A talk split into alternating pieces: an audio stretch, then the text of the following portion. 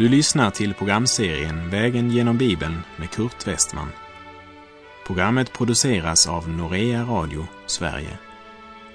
Vi befinner oss nu i profeten Jesajas bok. Slå gärna upp din bibel och följ med. Förra programmet vandrade vi genom det femtionde kapitlet i Jesaja. Det talade om Israels synd och Herrens tjänares lydnad. Och vi avslutade med Guds påminnelse att om Guds barn än vandrar i mörkret och inte ser någon ljusning skall han förtrösta på Herrens namn och stödja sig på sin Gud. Och helt till sist kom en varning till den som förkastar Gud och väljer syndens eld som sitt ljus för sitt liv. Han ska inte kunna undgå den eviga elden. För det en människa sår, det ska hon också skörda, det säger Gud. Kapitel 50 talade alltså om Israels trolöshet och om Herren Jesu lydnad. Och kapitel 51 som vi nu har kommit till talar om konsekvensen av Kristi lydnad, nämligen Sions frälsning. Och Jesaja 51 är för mig ett lika intressant avsnitt som Apostlagärningarna, som utlovar Jesu lärjungar kraft ifrån höjden till att vara hans vittnen. För här talar himlens Gud, han som säger att han ska göra öknen lik Eden och ödemarken lik Herrens lustgård. Och det är verkligen ett budskap som jag behöver. Samtidigt kan vi kalla kapitel 51 för väckarklockan som talar om för oss att nationen Israel har en plats i historien och en plats i Guds plan i framtiden. Det är alldeles omöjligt att läsa Jesaja kapitel 51 utan att inse att Gud har en framtida tanke och mening med nationen Israel. Jag är helt klar över att alla som genom tron på Kristus blivit Guds barn tillhör det andliga Israel. Men för den skull ska vi inte inbilla oss att han för alltid förkastat Israel. För när Gud i sitt ord säger Israel, då menar han Israel. Det bör vi ha klart för oss när vi vandrar genom Jesaja kapitel 51. Gud gör det mycket klart för oss att det är just Israel han talar om. Och även om det bara är en liten rest kvar och det är ett i mänskliga ögon litet och obetydligt folk, så är det fortfarande Guds utvalda. Gud har inte förkastat Israels barn. Vi läser Jesaja 51, vers 1. Hör på mig, ni som far efter rättfärdighet, ni som söker Herren. Se på klippan ur vilken ni är uthuggna och på gruvan ur vilken ni har grävts fram. Guds väckarklocka ringer. En kallelse ljuder till alla Israels barn som av hjärtat längtar efter rättfärdighet och längtar efter att lära känna Gud. Hör på mig, ropar Herren. Jag har en plan. Och vi läser vers 2. Se på er fader Abraham och se på Sara som födde er. Ty när han ännu var ensam kallade jag honom och jag välsignade och förökade honom. Gud säger, jag kallade Abraham när han levde i Kaldén med all den avgudsdyrkan som fanns där. Och se vad jag har gjort genom honom.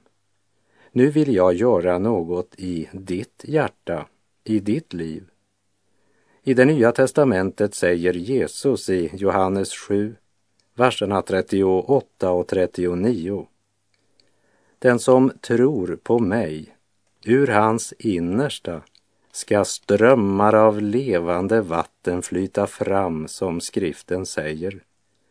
Detta sade han om anden som de skulle få som trodde på honom. Jesaja 51, vers 3. Ja, Herren tröstar Sion. Han ser med medlidande på alla dess ruiner. Han gör dess öken lik Eden, dess ödemark lik Herrens lustgård.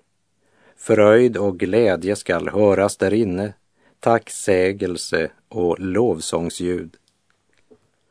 Liksom välsignelsen kom över Abraham och Sara i kraft av Herrens ord och löfte, så är Guds ord och löfte också Sions hopp. Kom ihåg att Gud är en levande och mäktig Gud som kan göra förvandlingens under också i era liv. Hör detta, du modlösa själ. Gud ska förbarma sig över det ofruktbara och av synden ödelagda Sion. På den mest ofruktbara mark kan Guds levande ord skapa blomstring och frukt. När Jesus i Markus 10 hade sagt till lärjungarna att det är lätt lättare för en kamel att komma genom ett nålsöga än för den som är rik att komma in i Guds rike, då frågade de förskräckta, vem kan då bli frälst? Jesus såg på dem och sade, för människor är det omöjligt, men inte för Gud. Ty för Gud är allting möjligt. Kapitel 51 inledes med att Herren ropar till sitt folk, Hör på mig, ni som far efter rättfärdighet, ni som söker Herren. Och han fortsätter i vers 4 och 5. Tänk på mig, du mitt folk. Lyssna till mig, du min menighet. Ty undervisning skall utgå från mig, min rätt ska jag sätta till ett ljus för folken. Min rättfärdighet är nära, min frälsning är på väg och mina armar skall döma folken. Kustländerna väntar på mig och hoppas på min arm. Kan du höra Guds rop? Tänk på mig, lyssna till mig. Guds rättfärdighet är nära och Guds rättfärdighet är Kristus. Kustländerna väntar på mig och hoppas på min arm. Men vem trodde vår predikan? För vem var Herrens arm uppenbarad? frågar Jesaja i kapitel 53. Gud önskar att uppenbara Kristus, frälsningens arm, för en förlorad värld. Därför sänder han ut sitt budskap som säger att Herrens arm skall en dag förlossa Israel. Vi läser Jesaja 51, vers 7 och 8. Hör på mig, ni som känner rättfärdigheten, du folk som bär min undervisning i ditt hjärta. Frukta inte för människors smädelser. Var inte rädd för deras hån, ty mal skall förtära dem som en klädnad, mått skall äta dem som ylle. Men min rättfärdighet skall förbli för evigt, min frälsning från släkte till släkte. I verserna 7 och 8 talar Gud till dem som har kommit längre än till att söka Herren genom att i egen kraft sträva efter rättfärdighet. Hör på mig, ni som känner rättfärdigheten. De känner rättfärdigheten, men denna världens ondska, fiendens hån och smädelser haglar över dem och hotar att kväva tron och hoppet.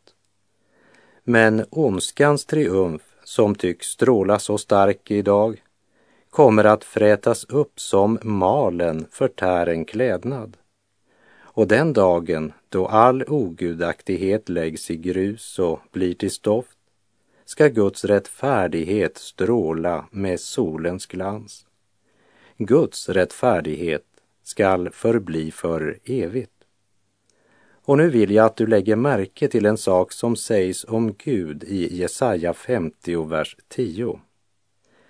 Var det inte du som torkade ut havet, det stora djupets vatten och som gjorde havsdjupen till en väg där de återlösta kunde gå fram. Det pekar tillbaka på händelsen när Gud delade Röda havet och Israels barn gick över torrskodda. Det påminner Israels barn om att det som för dem hade varit ett av de största hindren på deras väg blev genom Guds mäktiga ingripande till en banad väg för Guds folk. Och Gud är densamme idag. Därför förkunnar Herren genom profeten Jesaja att Guds folk inte ska frukta för människors smädelser och inte vara rädd för deras hån. Och det är en sanning som även du och jag borde meditera över. Det som för dig idag är ett oöverkomligt hinder kan Gud göra till en banad väg i ditt liv.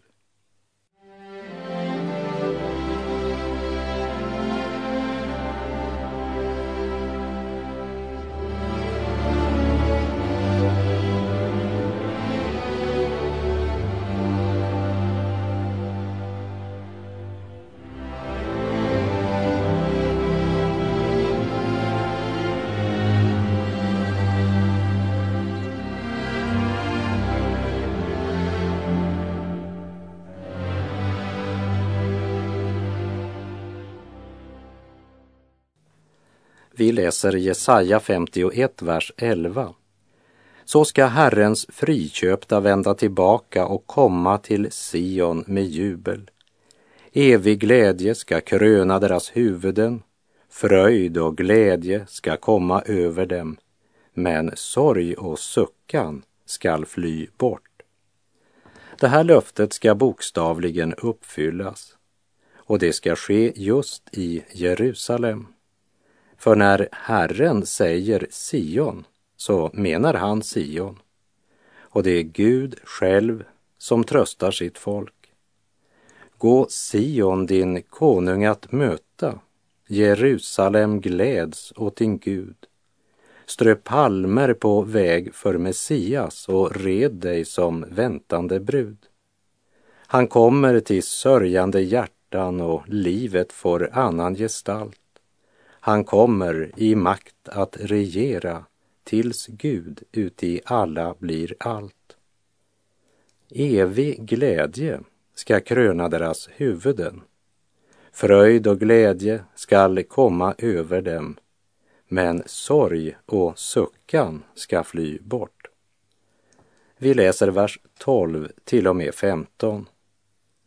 Jag, jag är den som tröstar er vem är då du att du fruktar för människor som skall dö, för människobarn som blir som torrt gräs?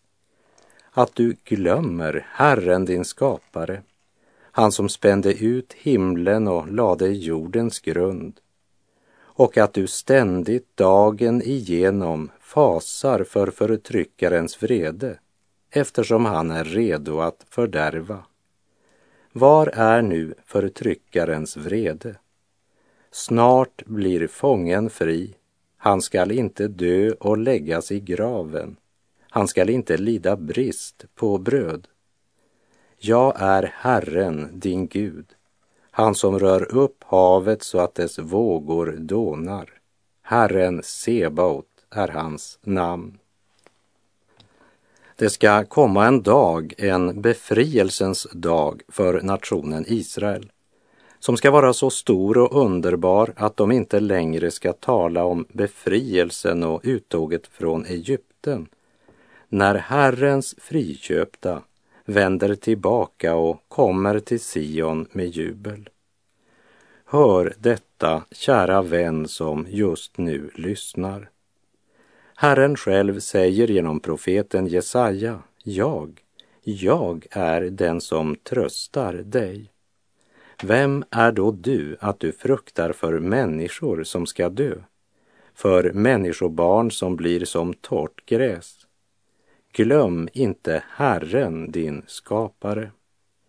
Och så kommer det här fantastiska löftet i vers 14. Snart blir fången fri. Jag är klar över att det här är Guds framtidsprofetia till Sions folk. Det är också ett framtidslöfte till alla Guds barn som lever i gemenskap med Kristus. I Romarbrevet 8, verserna 22 och 23 skriver Paulus till de troende i Rom. Vi vet att hela skapelsen ännu samfällt suckar och våndas. Och inte bara den, utan också vi som har fått anden som förstlingsfrukt. Också vi suckar inom oss och väntar på barnaskapet, vår kropps förlossning. Snart ska fången bli fri, eller som Paulus uttrycker det längre fram i Romarbrevets trettonde kapitel, där han i vers 11 säger att stunden är inne för oss att vakna upp ur sömnen. Ty frälsningen är oss nu närmare än då vi kom till tro. Från vår vandring genom Galaterbrevet minns vi att Guds eget ord säger att vi inte ska bedra oss själva. Det är en människa sår, det ska hon också skörda. Det vill säga, synden får konsekvenser, både här i tiden och i evigheten. Vi läser Jesaja 51, 17. Vakna upp, vakna upp. Stå upp, Jerusalem, du som av Herrens hand har fått att dricka hans vredes bägare. Du som har tömt berusningens bägare till sista droppen. Ta dig tid, min vän, och studera Jerusalems historia. Du kan slå upp ordet Jerusalem i ett bibellexikon och läsa vad deras avfall från Gud har kostat Guds folk och Sions stad. Gud är rättfärdig och han ska inte låta någon synd förbli ostraffad. Och ordet berusningens bägare talar inte bara om alkohol och andra droger, men om syndens väsen. Synden som har en sådan berusande makt över den fallna människonaturen. Syndens väsen är alltid densamma, vare sig den är förklädd i kultiverad kostym, förfinad och modern, eller är öppet rå och djurisk. Det gör nog olika intryck på människorna beroende i vilken skepnad den uppträder.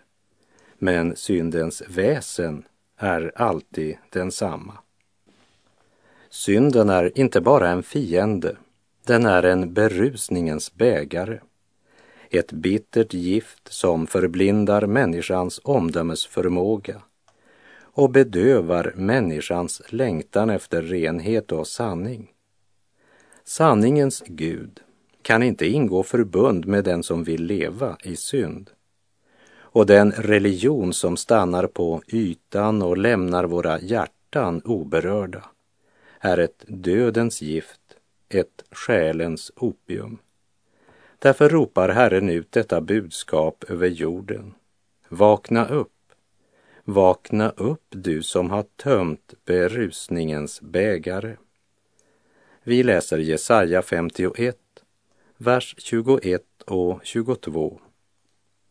Så hör nu detta, du eländiga, som är drucken men inte av vin. Så säger Herren, som är din Herre och din Gud, som utför sitt folks sak. Se, jag tar bort berusningens bägare ur din hand. Av min vredes bägare skall du inte längre dricka. Hör detta, du eländiga, det vill säga Egentligen hade du förtjänat att tömma vredesbägaren till sista droppen. Men Herren träder inte bara in som din försvarsadvokat, han tar själv vredesbägaren ur din hand. Vredesbägaren som du skulle ha tömt tömmer en annan. Men ve det folk som inte har någon ställföreträdare, de måste dricka den. Vi läser vers 23. Jag skall sätta den i handen på dina plågare, det som sade till dig, fall ner så vi kan gå fram över dig. så gjorde du din rygg till en mark och till en gata för dem att gå på. Prövningens tid är ännu inte över för Sion, men trösten står fast och bygger på löftet om Messias, frälsaren. Och Herren har redan i sitt rådslut bestämt att vredesbägaren skall tas bort från Israels hand. Vi minns att vers 17 talade om att Israel hade varit tvungna att dricka av Herrens vredesbägare. Och vi anar något av det lidande som redan den gången mötte judefolket.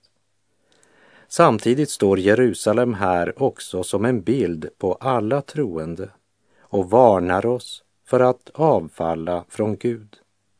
Låt oss istället på nytt vända oss till Gud så han får ta vredens bägare ur vår hand och samtidigt komma ihåg att vi är kallade att älska våra ovänner och be för dem som förföljer oss.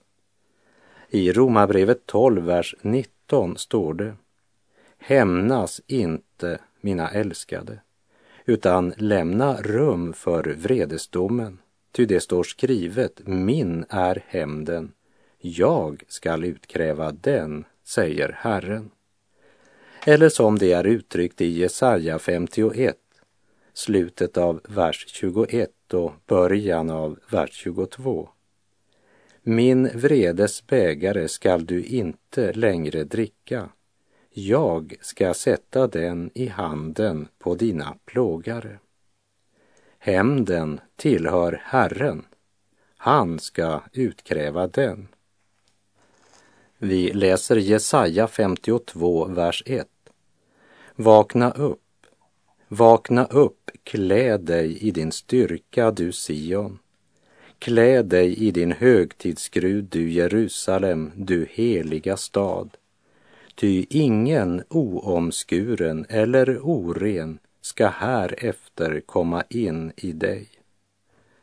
Ett nytt väckelserop är tydligen nödvändigt. Han påminner om deras kallelse att vara ljusbärare för andra folk. Renheten består i förlåtelsen.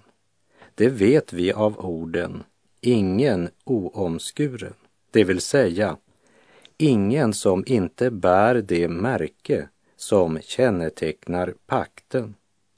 Liksom löftet i Jesaja 51 att Herren ska göra öknen lik en Herrens lustgård så är också löftet här i Jesaja 52 ett framtidslöfte. Vi läser Jesaja 52, vers 6. Därför skall mitt folk lära känna mitt namn.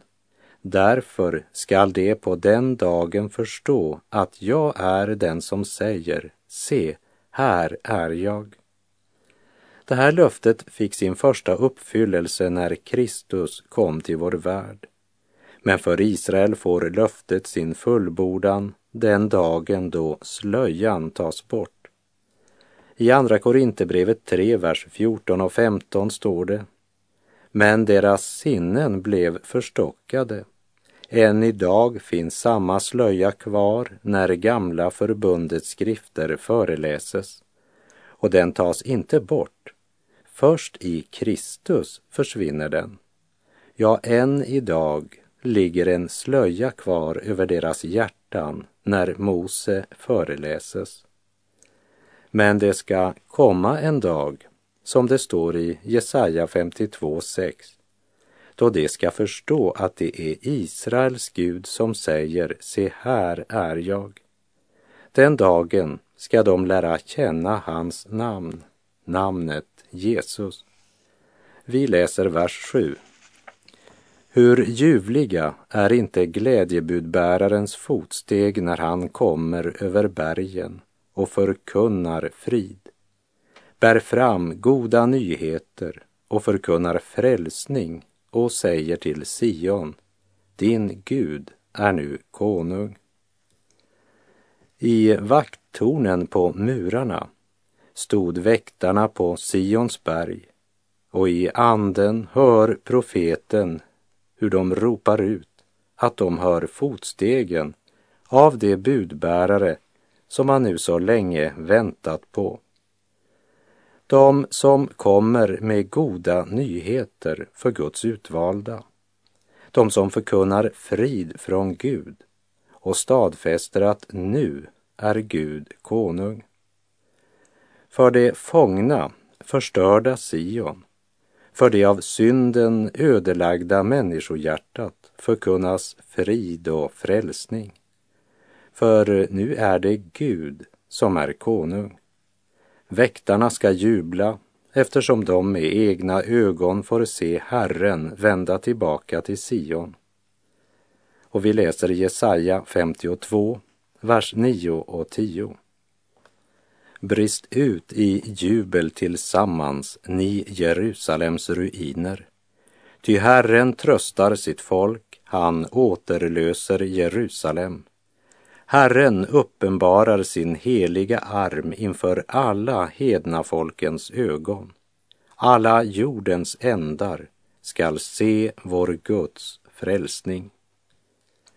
Både i gamla och i nya förbundet så är jubel och lovprisning något som ska känneteckna Guds barn. Visst lever vi på syndens jord och möter prövningar av skiftande slag. Men vår fiende är besegrad. Seger är vunnen. Och sorgtyngda ansikten är till vanära för vår Gud. Brist ut i jubel, ty Herren tröstar sitt folk. Kapitel 52 avslutas med en uppmaning om att dra ut ur Babel. Rör inte vid något orent. Ta inte del i Babels synder. Jag läser Andra Korinthierbrevet 6, vers 14 till och med 18. Gå inte som omaka par i ok med dem som inte tror. Vad har väl rättfärdighet med orättfärdighet att göra? Eller vad har ljus gemensamt med mörker? Hur kan Kristus och Beliar komma överens? Eller vad kan den som tror dela med den som inte tror? Vad kan ett Guds tempel ha för gemenskap med avgudarna? Vi är den levande Gudens tempel, ty Gud har sagt jag skall bo hos dem och vandra med dem och jag ska vara deras Gud och det ska vara mitt folk.